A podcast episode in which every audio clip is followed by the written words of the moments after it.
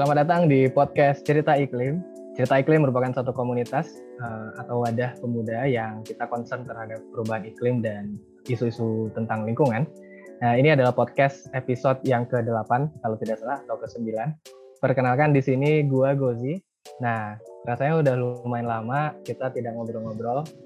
Kali ini gua hadirkan kepada kalian sobat cerita iklim, teman-teman gue yang keren uh, yaitu ada dua orang di sini, ada Taufik dan ada Kanya. Gue mau Taufik dulu nih. Uh, hmm. Taufik, gimana kabar lu, Fik? Halo, baik. Kita udah lama. Biasanya uh, kita nge-host bareng ya, Gus ya? Iya. Nah. Yeah. Tapi kita di sini masih bareng-bareng juga. Kita akan Iya sih. Seru kali ya. Betul, betul. Baik, baik. Tadi Taufik udah. Satu lagi ada Kanya. Kanya. Oh iya. Uh, salam kenal semuanya. Gue Kanya. Alhamdulillah kabarnya baik-baik aja. Oke, nah good to see you kalau kalian baik-baik aja dan gue harap teman-teman semua yang dengerin podcast ini juga lagi pada sehat-sehat dan tidak ada uh, kurang gitu ya mudah-mudahan gue tuh doain yang terbaik buat kalian di situasi pandemi ini yang penting adalah jaga kesehatan.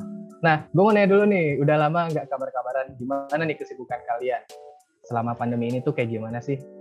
Gimana topik dulu topik? Ya, uh, ya biasa, I mean pandemi kan pasti online semuanya, jadi uh, ya sekarang juga kita sedang online bertemu. Ya setiap hari nggak beda jauh ngelihat layar komputer gitu aja sih. Kalau kayaknya ada yang beda nggak? Apa gimana? Sama aja uh, kalau gue Mei kemarin baru selesai ujian akhir uh, gue lagi kuliah di Imperial College London jurusan Chemical Engineering with Biotechnology udah selesai ujian akhir tapi sekarang lagi persiapan buat mulai riset lagi Ya, kayaknya bentar lagi lulus ya. Kalau Taufik masih lama. Insya Allah, ya, ya sekitar tiga bulanan. Oke, nah ini menarik banget. Dua teman gue di sini mahasiswa. Tadi kayaknya udah bilang di Imperial College London. Ya. Wah, keren banget. Tapi kalau Taufik kira-kira di mana nih kuliah? Teman-teman mungkin ya, bisa nebak kan? Uh, saya sekarang di Institute for Basic Science di Korea Selatan. Uh, hmm. Itu seperti kalau di Indonesia tuh kayak LIPI gitu. Hmm tapi kampus ya. Kalau gue sekarang tidak kuliah. ya gue lagi aktivitas kerja di satu perusahaan. Oke, okay, uh, eh, ini menarik banget nih. Kanya di Inggris, Taufik di Korea, gue di Indonesia gitu ya di Jakarta. Ada hal mungkin yang kita bisa bahas bareng-bareng. Nah, kita tahu kan uh, masalah iklim itu masalah yang tidak hanya dialami oleh Inggris saja, tidak hanya dialami oleh Indonesia ataupun Korea Selatan, tapi seluruh dunia tuh ngalamin hal yang sama gitu ya. Nah, mungkin kita menarik untuk melihat bagaimana sih uh, ketiga negara ini dalam hal isu-isu lingkungan gitu ya. Nah, kali ini kita mau ngajak ngobrol Taufik dan uh, Kanya sebagai representatif dari tempat tinggal kalian masing-masing. Waduh, berat juga ya. berat juga judulnya representatif ya. Ya, ya nggak apa-apa lah ya kita coba bahas hal-hal yang uh, seru gitu ya, unik gitu. Uh, yep gue mau masuk dulu nih ke pertanyaan yang awal-awal gitu ya, pertanyaan ringan. Kalau mahasiswa kan ada kebiasaan-kebiasaan gitu ya, uh, suka begadang atau misalnya mepet ngerjain tugas dan lain-lain. Gitu. Nah, tapi itu berkaitan dengan status kalian sebagai mahasiswa. Gimana sih status kalian tuh sebagai seorang warga masyarakat di negara orang lain yang berkaitan dengan isu-isu tentang iklim atau masalah lingkungan? Gimana sih kalian melihat kebiasaan yang berbeda dari apa yang dulu kalian pernah lakuin misalnya di negara asal. Gimana? Gue mau nanya ke paling deket dulu di Korea Selatan. Topik gimana? Okay. Kira-kira apa yang mau lo sampaikan? Iya, yeah, Korea lebih dekat ke Indonesia daripada Inggris ya. Mm. Uh, ya sebenarnya selama di Korea banyak banget ya yang bisa dipelajari. Uh, terutama misalnya yang paling berkesan itu pas pertama uh, datang ke Korea dari Indonesia Eh, aktivitas yang biasanya tidak membutuhkan otak menjadi aktivitas yang membutuhkan otak. Aktivitas apa itu? Adalah membuang sampah. Gitu. Jadi uh, teman-teman di Korea itu sistem pembuangan sampahnya uh, uh, dipisah-pisah itu wajib teman-teman. Jadi kalau teman-teman buang sampahnya nggak dipisah-pisah, tukang sampah tuh beneran nggak ngambil. Jadi beneran ditinggalin aja di depan uh, kosan kalian gitu.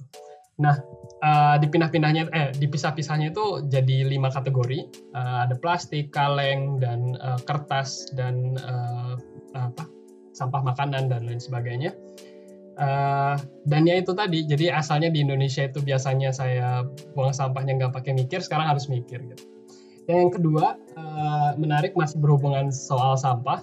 Jadi uh, untuk teman-teman buang sampah itu sampahnya harus dimasukkan ke sebuah kresek khusus uh, untuk sampah. Dan lagi-lagi kalau misalnya tidak dimasukkan ke kresek uh, khusus tersebut nggak uh, akan diambil gitu. Dan uh, kenapa uh, pemerintah ingin uh, memberikan kresek khusus untuk sampah? Itu karena teman-teman harus beli. Jadi uh, kresek sampahnya ini ada harganya dan semakin banyak sampah yang teman-teman produksi atau uh, ya semakin banyak sampah yang teman-teman keluarkan gitu, semakin banyak uh, uang yang harus teman-teman keluarkan. Jadinya ada insentif untuk mengurangi sampah gitu sih. Hmm. Ya, kalau di uh, Inggris sendiri uh, terutama di London ya tempat aku tinggal gitu yang paling berasa adalah akses ke transport umum gitu. Ketika gue masih di, tinggal di Depok kayak gue kalau ke mana-mana tinggal pesen gojek atau dianterin naik mobil pribadi. Tapi kalau di sini uh, cukup aksesibel banget kalau mau naik transport umum dari depan apartemen udah ada halte bis terus bisa nyambung naik kereta kalau mau lebih jauh gitu gitu jadi kayak benar-benar uh, orang dimudahkan diberi fasilitas yang nyaman untuk naik transport umum. Dan kalaupun ada orang yang tetap pakai mobil pribadi itu kayak gue lihat cukup banyak stasiun pengisian bahan bakar listrik gitu. Ketika di pinggir-pinggir jalan kayak banyak banget yang stasiun pengisian listrik gitu. Kayak lo ngecharge mobil di pinggir jalan gitu gampang.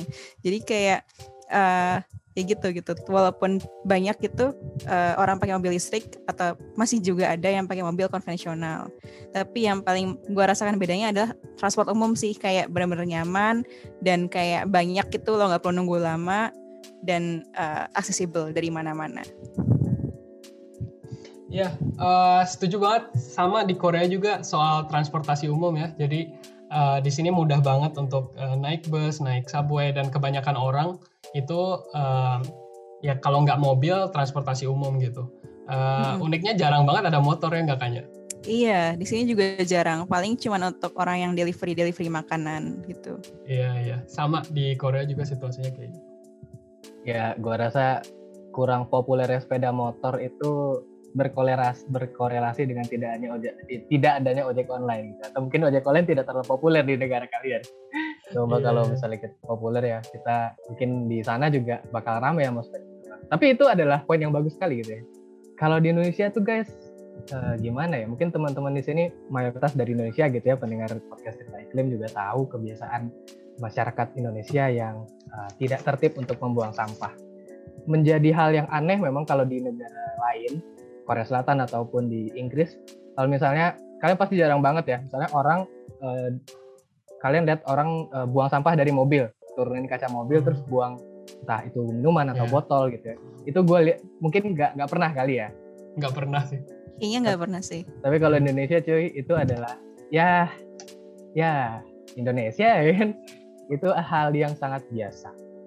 Terus ada satu kejadian juga mungkin uh, kalian tahu tempatnya pendengar uh, ada satu jalan di dekat ibu kota negara di dekat ibu kota Jakarta itu yang banyak dipenuhi sampah. Jadi uh, kalian bisa bayangin ada jalur dua yang di tengahnya itu ada pembatas gitu. Nah orang-orang masyarakat setempat itu pada buang sampah di situ. Plastik-plastik merah, plastik hitam, plastik putih, ya kalian bisa bayangin sendiri ya kebersihan jalanan kita itu ada masalah dengan sampah gitu dan itu gue yakin pemerintah setempat udah berusaha sebaik mungkin tapi emang masyarakatnya aja yang ngeyel um, selain hal itu juga kayaknya Indonesia agak negatif gitu ya. Tapi gue mau lihat mungkin kalian ada mau meng-highlight poin-poin yang uh, apa ya namanya kebiasaan yang mungkin kurang baik positif kurang positif juga gitu di tempat hmm. kalian tinggal.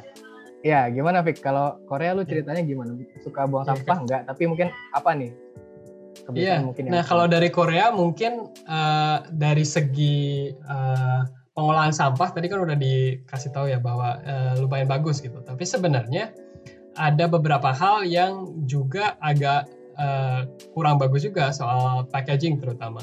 Jadi akhir-akhir ini juga berkembang di Korea itu uh, seperti apa kalau di Indonesia tuh uh, yang delivery lewat app gitu ya.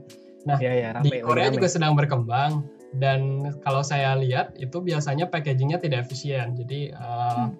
dalam satu kali order itu bisa dapat I don't know 5 sampai enam bungkusan plastik gitu dan ini kan uh, nggak bagus gitu. Uh, selain itu juga misalnya beli biskuit, terus di dalam bungkusan biskuitnya ada 50 biskuit yang masing-masing biskuitnya itu ada bungkus plastiknya masing-masing gitu. Jadi di, dilihat memang uh, Korea itu ada positif dan negatifnya dari segi sampah. Gitu. Kalau Inggris? Uh, mungkin kalau dibandingin sama tadi Korea yang benar-benar kayak uh, strict tentang pembagian sampah. Kalau di Inggris sendiri di tempat umum saya cukup dipisah gitu ya. Selalu ada pemisahan minimal tiga jenis sampah gitu B3 organik anorganik mirip kayak di Indonesia gitu ya. Tapi uh, kalau dari yang aku lihat di pengolahan di apartemenku sendiri kayak ketika kita buang sampah di tempat pembuangan akhir di kayak digabungan dari semua ruangan di apartemen kayak ada tempat pembuangan akhirnya gitu. Nah di situ ujungnya semua tipe sampah itu digabung gitu. Jadi kayak aku belum melihat uh, apa ya kurang strict gitu. Tentang pemisahan itu pemisahan tipe-tipe sampah itu masih kurang strict di Inggris. Walaupun uh, sudah di ada tempat pemisahan tempat sampah di tempat umum tapi kalau di ujung-ujungnya kadang-kadang masih dicampur lagi. Terus uh, tapi kalau uh, tentang kemasan delivery kayak tadi contohnya yang beli-beli makanan gitu di sini uh, kebanyakan udah pakai kemasan paper bag jadi nggak terlalu banyak kemasan plastik kayak gitu. Cuman ya uh, kalau untuk produk-produk biasa gitu masih banyak yang pakai plastik kayak beli buah dibungkus plastik beli sayur dibungkus plastik beli apa pun di grocery store pasti ada bungkus plastiknya gitu. Itu yang masih uh, susah banget kita hindarin gitu. Gimana apa walaupun ketika kamu belanja disarankan untuk bawa tas sendiri gitu, bawa tote bag sendiri, tapi produk-produknya sendiri masih pakai kemasan plastik gitu. Jadi ya emang susah untuk dihindari penggunaan plastik dari segi itu. Ya, gue rasa masalah sampah dan kebiasaan orang-orang di tempatnya itu juga masing-masing unik ya di negara masing-masing. Tapi gue mau nanya nih, agak trivia dikit. Uh, di Korea Selatan atau di London itu sikat giginya, pasta giginya hmm. pakai dus apa enggak? Apa ah, pakai tutup wow. doang? Iya tuh sempat uh, viral kan bahwa apa sebenarnya itu apa kardus untuk odol, odol atau sikat gigi? Iya sih ya. Oh, odol, odol, sorry, odol. Odol. Pasta giginya ya. Ya, ya, ya. Ya, ya masih pakai kardus kalau di Korea. Oh, okay. Sama, masih pakai kardus juga. Oh, gue kira Korea yang waktu itu kayak di Korea tidak ada uh, Oh, bukan, bukan ada. Korea itu negara oh. lain itu di mana gitu, tapi bukan Korea. Oke, okay. hmm. ya gue kirain agak beda gitu ya. Nah, Ya di Indonesia juga kurang lebih sama sih teman-teman uh, masalah uh, pengelolaan sampah dan ketertiban masyarakat kita tuh masih kurang banget. Hmm. Teman-teman mungkin nggak perlu jauh-jauh uh, lihat aja tetangga atau mungkin lingkungan pasar uh, dekat uh, teman-teman tinggal itu uh, banyak banget uh, hal masyarakat mungkin yang masih belum terlalu tertib di luar dari kebijakan mungkin yang memang masih belum terlalu belum sempurna gitu ya. Uh, mungkin uh, gue mau nambahin sedikit selain. tentang energi listrik kali ya kayak nah, menarik nih kalau tadi ya gitu. Tadi kita udah ngomongin soal transportasi soal konsumsi plastik gitu. Tapi di dari segi energi penggunaan energi di UK uh, eh, aku kayak cari-cari tahu juga gitu. So, sumber energi listriknya tuh dari mana sih gitu? Dan ternyata uh, 51 persennya masih disuplai dari energi fosil. Kayak 42 persennya dari gas alam 9 persen dari batu bara gitu dan sisanya sekitar 21% itu dari nuklir dan hampir 25 persennya dari energi terbarukan kayak dari tenaga surya, tenaga angin, tenaga hidro atau biofuel gitu masih 24,5 persen gitu. Jadi kayak ternyata walaupun negara yang mungkin bisa dianggap negara maju gitu, masih 51 persennya masih pakai uh, energi fosil gitu. Dan ini emang jadi isu yang uh, jadi tantangan bagi seluruh negara di dunia gimana caranya kita transisi dari penggunaan energi fosil menjadi energi terbarukan. Ini yang masih susah untuk kita ubah. Uh, kita masih berusaha terus gitu selama bertahun-tahun ke depan. Harapannya makin banyak penggunaan energi terbarukan. Ya, uh, gue mau nambahin juga di Korea ya. Jadi di Korea juga mirip, uh, mungkin lebih parah ya daripada Inggris. Jadi hmm. uh, Korea itu terkenal memang uh, dia sangat bergantung terhadap um, batu bara gitu. Dan dia tuh salah satu uh, importir terbesar batu bara dan Korea uh, energi terbarukan itu progresnya sangat lamban. Kalau nggak salah terakhir saya cek mungkin harus dicek lagi ya tapi kalau nggak salah terakhir itu cuma 2% energi terbarukan. Dan kebanyakan 80% itu batu bara dan sisanya nuklir gitu Dan akhir-akhir uh, ini uh, nuklir juga mulai dikurangi. Jadi uh, apa ya? Uh, sejauh ini saya belum dengar sih uh, nuklir mau diganti apa. Karena ketika nuklir dikurangi, kalau tidak ada penggantinya itu biasanya digantinya sama batu bara lagi gitu. Uh, terus uh, selanjutnya, oh ya, jadi memang uh, di Korea sendiri kan biasanya ketika kita ngitung emisi negara uh, suatu negara itu bisa dibagi-bagi jadi beberapa sektor gitu. Dan memang Korea itu kalau dilihat dari uh, apa istilahnya kontribusi emisinya itu terbesar dari bidang energi gitu. Ya. Hmm. iya mirip sih kayak di UK juga gitu kayak uh, emisi gas rumah kaca yang dihasilkan di UK gitu. Ini data tahun 2019 ya kira-kira tapi pasti 22 persennya dari energi, tapi yang paling besar adalah dari transportasi gitu, 26 persen. Terus kayak 17 persen dari bisnis, industri, 15 persen dari uh, perumahan gitu, kayak penggunaan sehari-hari. Sisanya entah dari uh, waste management, dari fasilitas publik dan segala macam itu sisanya. Jadi kayak uh, energi sama transportasi sama bisnis ini yang paling uh, boros energi gitu lah ya istilahnya ketika uh, suatu negara mau menyusun kebijakan, biasanya yang diatur itu dari sektor-sektor tersebut gitu, yang paling banyak boros energinya. Thank you Taufik sama Kanya. Kalau di Indonesia mungkin gue mau cerita dikit. Uh, kalau di Inggris sekitar 50%, uh, di Indonesia angkanya masih lumayan tinggi yaitu 85%. Tapi hmm. uh, jangan terlalu sedih teman-teman karena uh, progres pengembangan uh, sumber energi baru dan terbarukan itu Indonesia itu sekitar uh, tahun 2020 mencapai 14% dari uh, energi nasional. Itu hal yang uh, sudah baik ya dan kita harapkan bisa jadi nanti di tahun-tahun selanjutnya bisa lebih meningkat. Cuma mungkin sedikit uh, yang agak beda ya, uh, karena gue suka mengamati politik sumber daya di Indonesia juga politik tentang batu bara dan para pengusaha yang terkait juga dengan politik itu hal yang menarik untuk dibahas dan sensitif juga ya. Mungkin teman-teman sudah tahu ada banyak uh, lahan yang terpaksa uh, bukan terpaksa yang direbut, yang direnggut dari masyarakatnya karena akan dijadikan mungkin lokasi tambang batu bara dan tambang-tambang uh, SDA lainnya yang yang yang ekstraktif gitu. Nah ini mungkin hal yang menjadi uh, keprihatinan juga mungkin bagi uh, teman-teman. Karena di satu sisi kita EBT-nya udah lumayan bagus tapi kita tuh masih agak le susah lepas gitu dari ketergantungan uh, apa namanya sumber batu bara terutama. Dan ya teman-teman bisa menilai sendiri bagaimana kebijakan pemerintah kita ya dengan adanya undang-undang yang itu akan mempermudah uh, pengusaha untuk mengambil uh, batu bara dan apa namanya energi-energi ekstraktif lainnya gitu. Itu akan berdampak banget dengan Mungkin teman-teman tidak terlalu kerasa karena mungkin teman-teman tidak tinggal di tempat itu, tapi coba bayangin teman-teman tinggal di tempat itu itu akan satu akan apa namanya hak dampaknya itu sangat luar biasa sekali. Hmm. hmm. Gue mau nambahin di Korea soal ini ya apa namanya uh, perpolitikan energi gitu ya. Eh bukan sih, bukan soal itu sorry. Uh, ah. Yang yang mau gue bahas adalah uh, ini apa bahwa setiap negara itu mempunyai tantangan yang berbeda. Uh, kalau di Indonesia, Indonesia itu punya sumber daya alam yang banyak banget ya. Betul betul. Tapi kesulitannya adalah sebenarnya ngatur orang dan yes. mengatur uh, berkoordinasi antar pulau, antar pemerintah, pengusaha. Dan ini ini adalah tantangan terbesar buat Indonesia.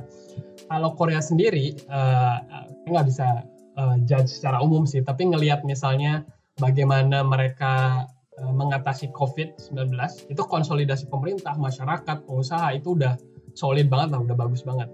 Tantangannya adalah sumber daya alam. Jadi hmm. Korea itu punya uh, punya sumber daya alam yang cukup terbatas. Uh, misalnya nih, kalau mau mengembangkan sumber daya alam apa uh, sumber energi terbarukan dari solar atau dari sumber daya apa itu namanya matahari, matahari ya, ya itu uh, gak punya lahan atau enggak kalau ada lahan lahannya gunung gitu. Jadi nggak nggak ada yang padang pasir yang rata besar gitu loh.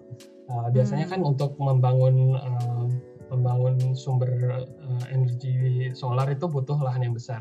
Nah tapi uniknya mereka itu pinter. Jadi ketika nggak punya lahan itu mereka simpen di mana-mana. Misalnya saya sering lihat tempat parkir itu kan lahan yang cukup luas ya. Terus ada biasanya ada tempatnya gitu. Atau buat uh, supaya mobilnya nggak kepanasan. Hmm. Nah di atapnya itu ditempelin solar yang banyak gitu. Hmm. Terus juga ada jalan tol dari satu kota ke kota lain. Di tengahnya itu ada uh, panel surya dan di tengahnya itu dipakai sebagai jalur sepeda. Jadi di Korea itu orang-orangnya sering senang banget olahraga, senang hiking, senang uh, sepedahan dan banyak yang suka sepedahan antar kota. Dan ya itu ketika mereka sepedahan mereka nggak terlalu panas, tapi di panasnya itu diambil di uh, dirubah menjadi energi listrik gitu. Kan ini kreatif banget gitu. Ketika mereka nggak punya lahan ya mereka uh, berinovasi gitu. Keren banget itu. Menarik yeah. banget sih. Mm -mm. Kalau di Inggris kira-kira gimana soal energi terbarukan yang Kanya amati kan katanya sering jalan-jalan. Paling tadi sih yang aku lihat yang kayak uh, mobil listrik terus ada stasiun pengisian bahan bakar listrik itu kayak uh, udah bukan hal yang jarang lagi tapi kayak sering ditemuin di pinggir-pinggir jalan gitu. Mudah kayak kamu punya mobil listrik bisa ngecar sendiri di pinggir jalan itu gampang untuk nyari stasiun pengisiannya. Itu yang menurutku cukup uh, berkesan. Karena ketika di Indonesia kayaknya jarang banget ketemu mobil listrik kan ya. Kalaupun ada baru sekedar di berita tapi kayak ya udah sambil lalu doang. Gak, jarang di ngelihat mobil listrik yang di mass produce gitu di Indonesia nya terus kalau uh, energi terbarukannya sendiri aku kurang tahu ya seperti apa uh, usaha di Inggris untuk memenuhinya. Tapi kayak uh, yang aku tuh tinggal di dekat kanal gitu. Jadi di, di kanal ini banyak orang tinggal di dalam perahu, kayak perumahnya di dalam perahu hmm. gitu. Dan di perahu-perahu itu pasti ada solar panelnya gitu biasanya. Jadi kayak mereka memenuhi kebutuhan listrik mereka dengan solar panel itu. Gitu sih yang uh, salah satu contoh yang menarik juga yang aku temuin di sini gitu. Oh ya, uh, menarik. Ini saya baru tahu juga di Inggris itu mobil listriknya banyak ya. Udah udah uh, kayak udah mainstream gitu. Aku nggak tahu seberapa banyak ya, tapi kayak hmm. pengisiannya mudah hmm. ditemuin gitu. Kayak aku cuma jalan sebentar pasti ada pengisian listrik gitu. Uh, udah udah kayak SPBU di Indonesia ya? Iya, tapi tapi kayak lebih ringkes gitu. Kalau SPBU kan kayak ah. satu lahan besar. Kalau ini kayak oh. semacam kayak semacam tiang listrik doang, terus kayak ya udah tinggal dicolokin gitu. Oh wow, oke. Okay. Bahkan ya, di Korea ya. juga belum terlalu banyak yang kayak gitu. Jadi ya menarik mm. kayaknya bisa yeah. hal kayak gitu. Di Indonesia yeah. udah ada tahu mobil iya. listrik. Yeah. Itu Tesla. yang yang mainan anak-anak kecil itu yang Iya. Yeah. pakai baterai beneran ya. Iya, Baterainya beneran. A3. itu tuh prototipe mobil listrik di Indonesia masa depan kayak gitu, guys. Iya, Siap. Harus bangga jadi nih Indonesia ya mewakili yeah. Indonesia nih ngomongnya. nah mungkin ada hal lain nggak yang pengen kalian highlight gitu terjadi di tempat masing-masing. Atau uh, Lanjut kita ke... kita uh, bahas satu hal yang kita udah belajar banyak dari masing-masing tempat gitu ya. Mungkin kita akan pulang ke Indonesia satu nanti satu saat nanti dan kita berharap ada uh, perbaikan di bidang uh, lingkungan dan energi terbarukan. Kira-kira apa menurut Kanya dan menurut Taufik yang yang mungkin ide atau hal yang bisa dibawa pulang ke Indonesia untuk kita lakukan gitu untuk diterapkan. Mm-hmm. Oke, okay, gue dulu kali ya. Um, jadi yang pertama mungkin ya uh, yang pengen dibicarakan juga adalah Uh, jadi di Korea sendiri isu tentang perubahan iklim, isu tentang lingkungan itu sudah cukup populer. Jadi sudah sering banget dibicarakan sama masyarakat dan itu cukup berpengaruh terhadap dinamika politik uh, dinamika, dinamika politik yang terjadi gitu. Jadi misalnya um, kalau misalnya pro lingkungan itu biasanya uh, apa ya istilahnya. Jadi ketika berdebat di berdebat untuk memilih siapa ya. wali kota, memilih siapa legislatif itu isu-isu lingkungan itu muncul gitu. Dan ini yang sebenarnya hmm. masih saya kurang lihat uh, di Indonesia gitu. Di Indonesia itu masih fokus di isu-isu ekonomi, kesehatan, pendidikan dan lain-lain, tapi isu lingkungan masih uh, kurang muncul gitu. Bahkan menurut risetnya Pew Research Center di tahun 2019 Uh, 86% dari masyarakat Korea itu setuju bahwa perubahan iklim merupakan ancaman salah satu ancaman terbesar untuk negara mereka gitu. Jadi awareness uh, terhadap isu perubahan iklim ini di Korea sudah sangat tinggi. Itu satu. Yang kedua, it, ya itu tadi yang udah diceritain bahwa uh, dengan keterbatasan yang mereka punya mereka bisa berinovasi gitu. Uh, kayak tadi apa solar panel disimpan di uh, tempat parkir atau di jalur sepeda.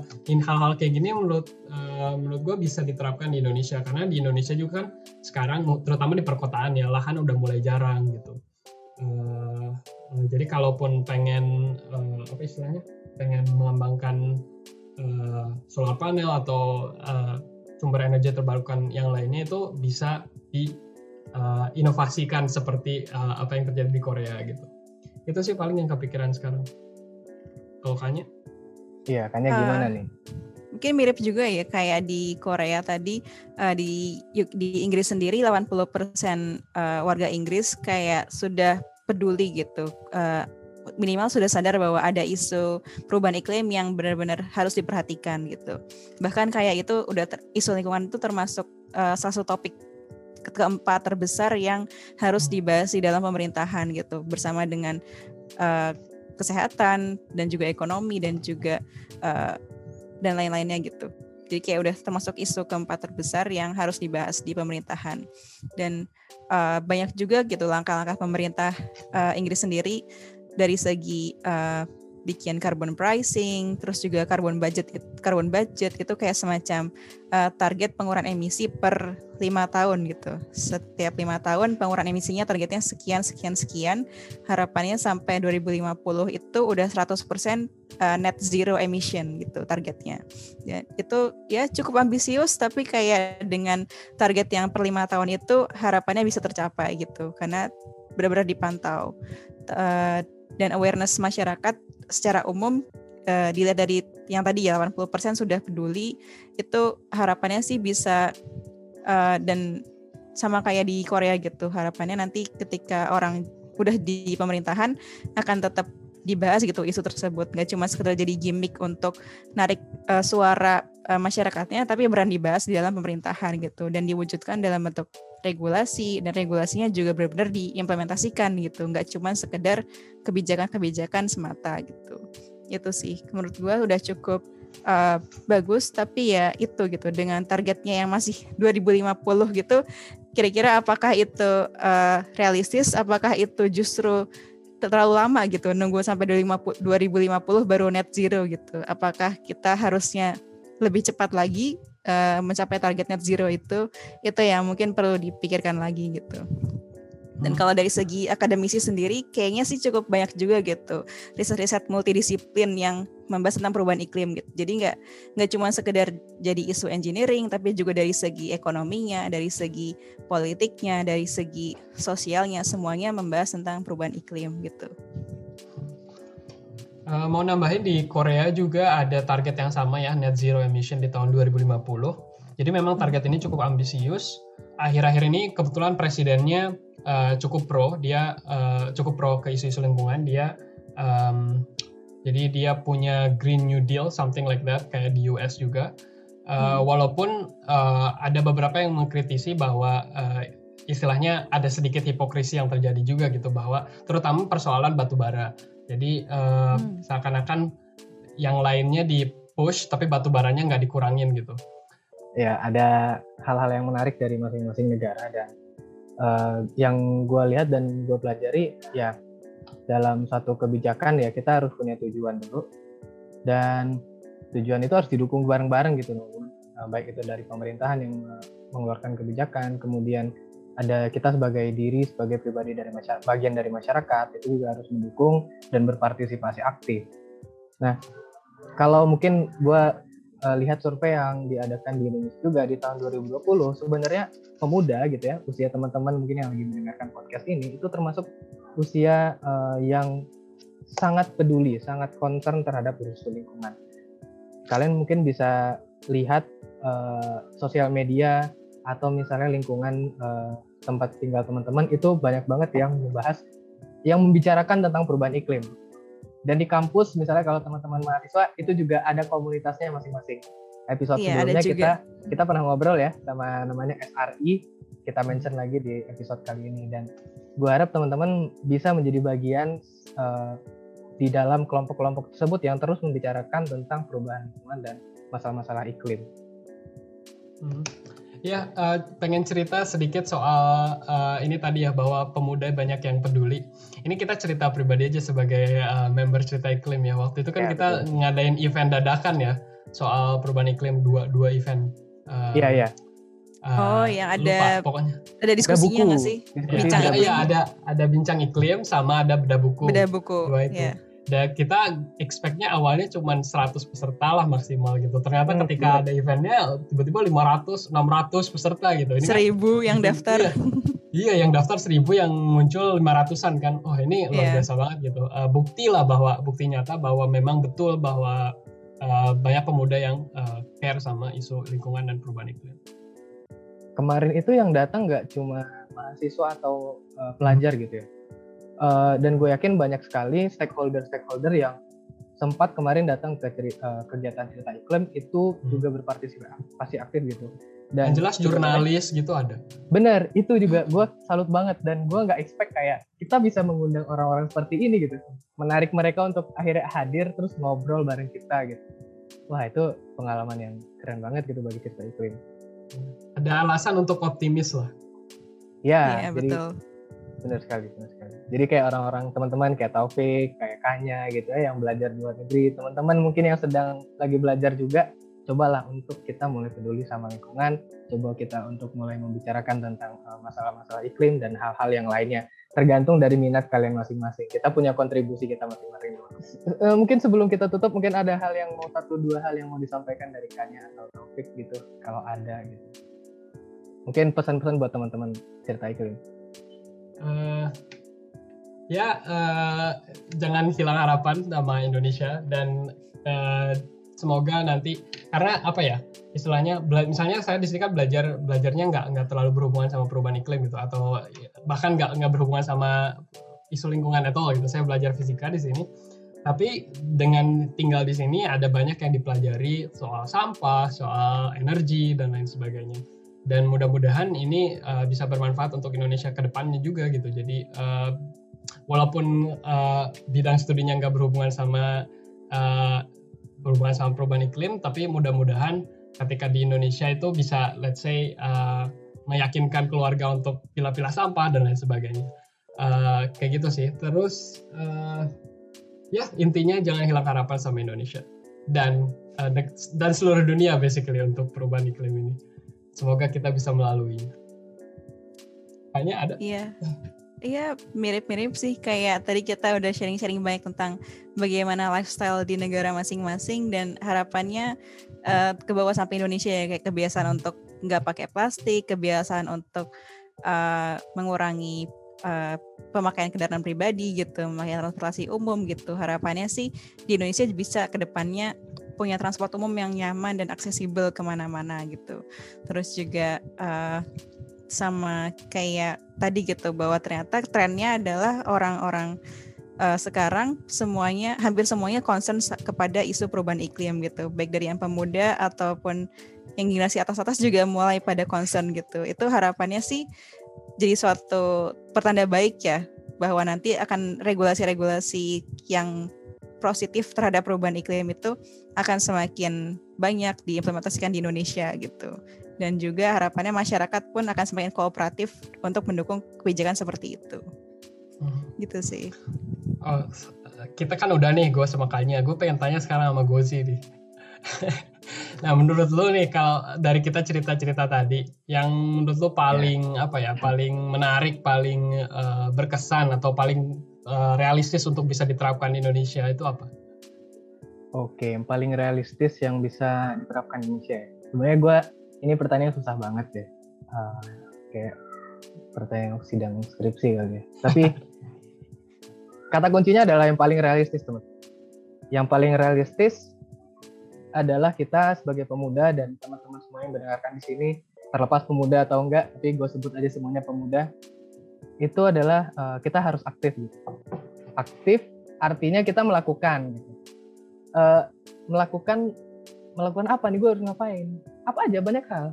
Misalnya kalau teman-teman um, orangnya tadi teman topik bilang dia walaupun tidak belajar tentang lingkungan tapi sangat meminati hal itu. Sebenarnya tidak ada batasan uh, kalian belajar apa, kalian siapa, tapi nggak boleh ngomongin tentang hal-hal isu-isu yang berada di sekitar lingkungan kita. Jadi pertama jadilah aktif, karena aktif itu yang akan membawa perubahan. Kita nggak akan bisa uh, melakukan mencapai suatu tanpa kita pernah pernah mencobanya, teman-teman. Jadi aktif.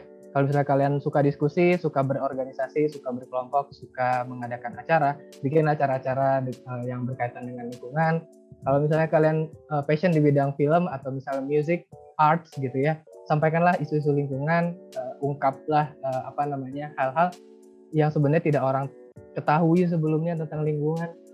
Atau misalnya teman-teman suka apa ya, suka nulis ya udah silakan untuk ditulis banyak hal. Teman-teman yang sekarang mungkin lagi bekerja start dari diri kita sendiri dan juga uh, mulai dari lingkungan terdekat, keluarga, teman dan sekitarnya dan juga mungkin ini satu hal yang uh, bagian dari aktif yang menurut gue juga sangat penting kita tidak bisa mulai dari diri kita sendiri tanpa ada dorongan dan tanpa ada insentif dari uh, satu kebijakan yang baik gitu.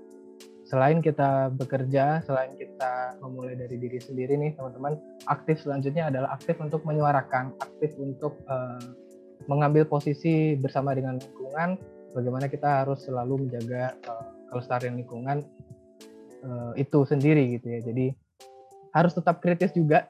Kita harus aktif dan kritis. Nah itu dua hal berarti. Itu yang paling realistis topik okay, yang okay. mungkin gua bisa sarikan dari uh, diskusi kita nih malam ini. Gue ingin uh, nambahin, maksudnya uh, ingat teman-teman bahwa di negara demokrasi itu perubahan jarang sekali terjadi dari pemerintah. Uh, pemerintah yeah. itu di, mereka hanya ingin dipilih di masa periode jabatan selanjutnya. Jadi itu prioritas buat mereka. Uh, ketika masyarakatnya udah mulai berubah, udah mulai peduli, maka mulailah ada dorongan dari masyarakat untuk uh, adanya perubahan uh, dari segi kebijakan publik uh, dan lain sebagainya. Dan baru dari situlah ketika pemerintah itu udah ngelihat bahwa masyarakatnya ingin, mereka akan adjust karena mereka ingin terpilih lagi. Jadi ketika masyarakatnya peduli, ya mereka juga harus peduli gitu. Mereka nggak punya pilihan. Nah, tapi gue masih pengen nanya sih. Tadi oke okay, pertanyaan eh, gimana, uh, gimana? tentang soal realis apa tentang yang paling realistis itu memang agak sulit di uh, agak sulit dijawab ya karena ya ya yeah. susah memang. Tapi pengen nanya yang paling memorable deh, yang paling berkesan atau yang paling mengagetkan itu apa? Apa ya? Uh, ini ke gue nih khususnya. Nanti kayaknya yeah. boleh nambahin kali ya.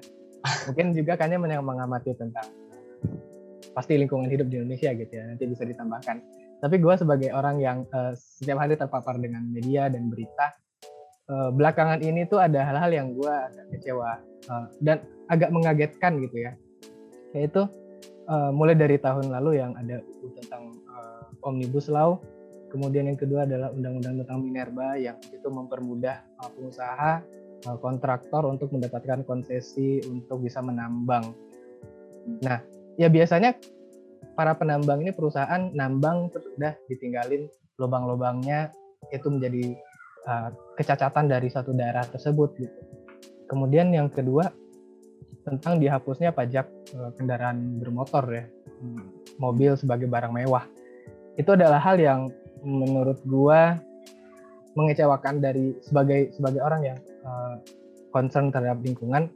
Kenapa? Karena itu akan menuntun atau akan mendrive konsumsi bahan bakar yang lebih besar lagi terutama di Indonesia dan terutama di kota-kota besar di Indonesia ya. Atau gue mau spesifik lagi di Jawa nih kalau karena paling pop, paling padat kan populasinya. Nah di situ kita melihat kayak uh, keberpihakannya kok lebih kepada bisnis, keberpihakannya lebih kepada bisnis dibandingkan kepada lingkungan.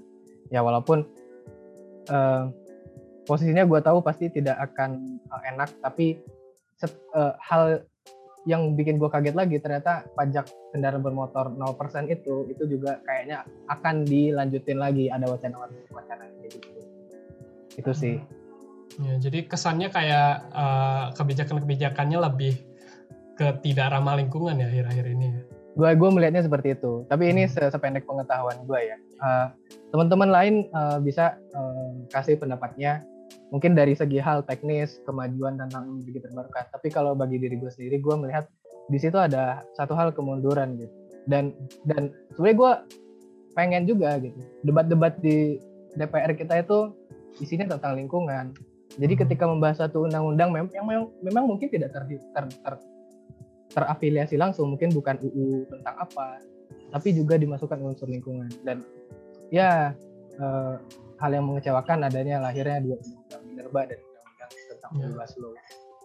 Gue jadi inget kalau di debat-debat yang suka ada di TV itu kalau di Indonesia cal apa caleg lah atau apa calon wali kota cagup. dan lain sebagainya yeah. ya cagup itu jarang banget tuh uh, isu lingkungan itu dinaikkan sampai paling eh, soal uh, saya, banjir ya, ya sampai sampai saya tahu ada uh, sebuah komunitas nggak uh, apa-apa sebut ini uh, untuk mensupport namanya generasi melek politik generasi muda melek politik kalau nggak salah di Instagram okay. ada di mereka itu uh, bikin forum khusus jadi mereka ngundang calon gubernur dan calon wali kota untuk ngomongin soal lingkungan specifically gitu di event itu. Hmm. Dan uh, biasanya yang datangnya ya para pemuda karena uh, nama page-nya generasi muda melek politik walaupun yang nggak eksklusif orang muda juga gitu. Uh, ya ini uh, ya menjadi suatu observasi yang menarik aja sih di dinamika politik dan lingkungan di Indonesia. Ya ini uh, kita nggak mau terlalu jauh ke situ, tapi yeah. mungkin nanti kita bisa bahas di satu uh, podcast sure. khusus. Yeah. Nanti Episode kita berikutnya mungkin. Iya, iya, iya kita iya. ngundang. Boleh, ngundang, boleh. Ngundang apa namanya? Ngundang siapa betul, gitu ya? Mungkin kalau teman-teman ada ide, silakan komen aja di Instagram gitu ya. Nanti kita akan naikin di Instagram dan mungkin bisa komen kita mau bahas topik apa dan kita mau mengundang siapa. Bisa jadi itu jadi ide kalian, kita akan bikin satu episode podcast gitu itu aja uh, obrolan kita uh, hari ini. Uh, gue rasa udah lumayan lama ya kita nggak ngobrol dan kemudian kita ngobrol sekali terus lama banget. Mudah-mudahan kita akan uh, bisa terus continue untuk kita mengabarkan tentang isu-isu iklim di episode podcast selanjutnya. Oke, okay. Taufik, kayaknya terima kasih banyak waktunya. Makasih gue tahu kalian lagi Sama-sama.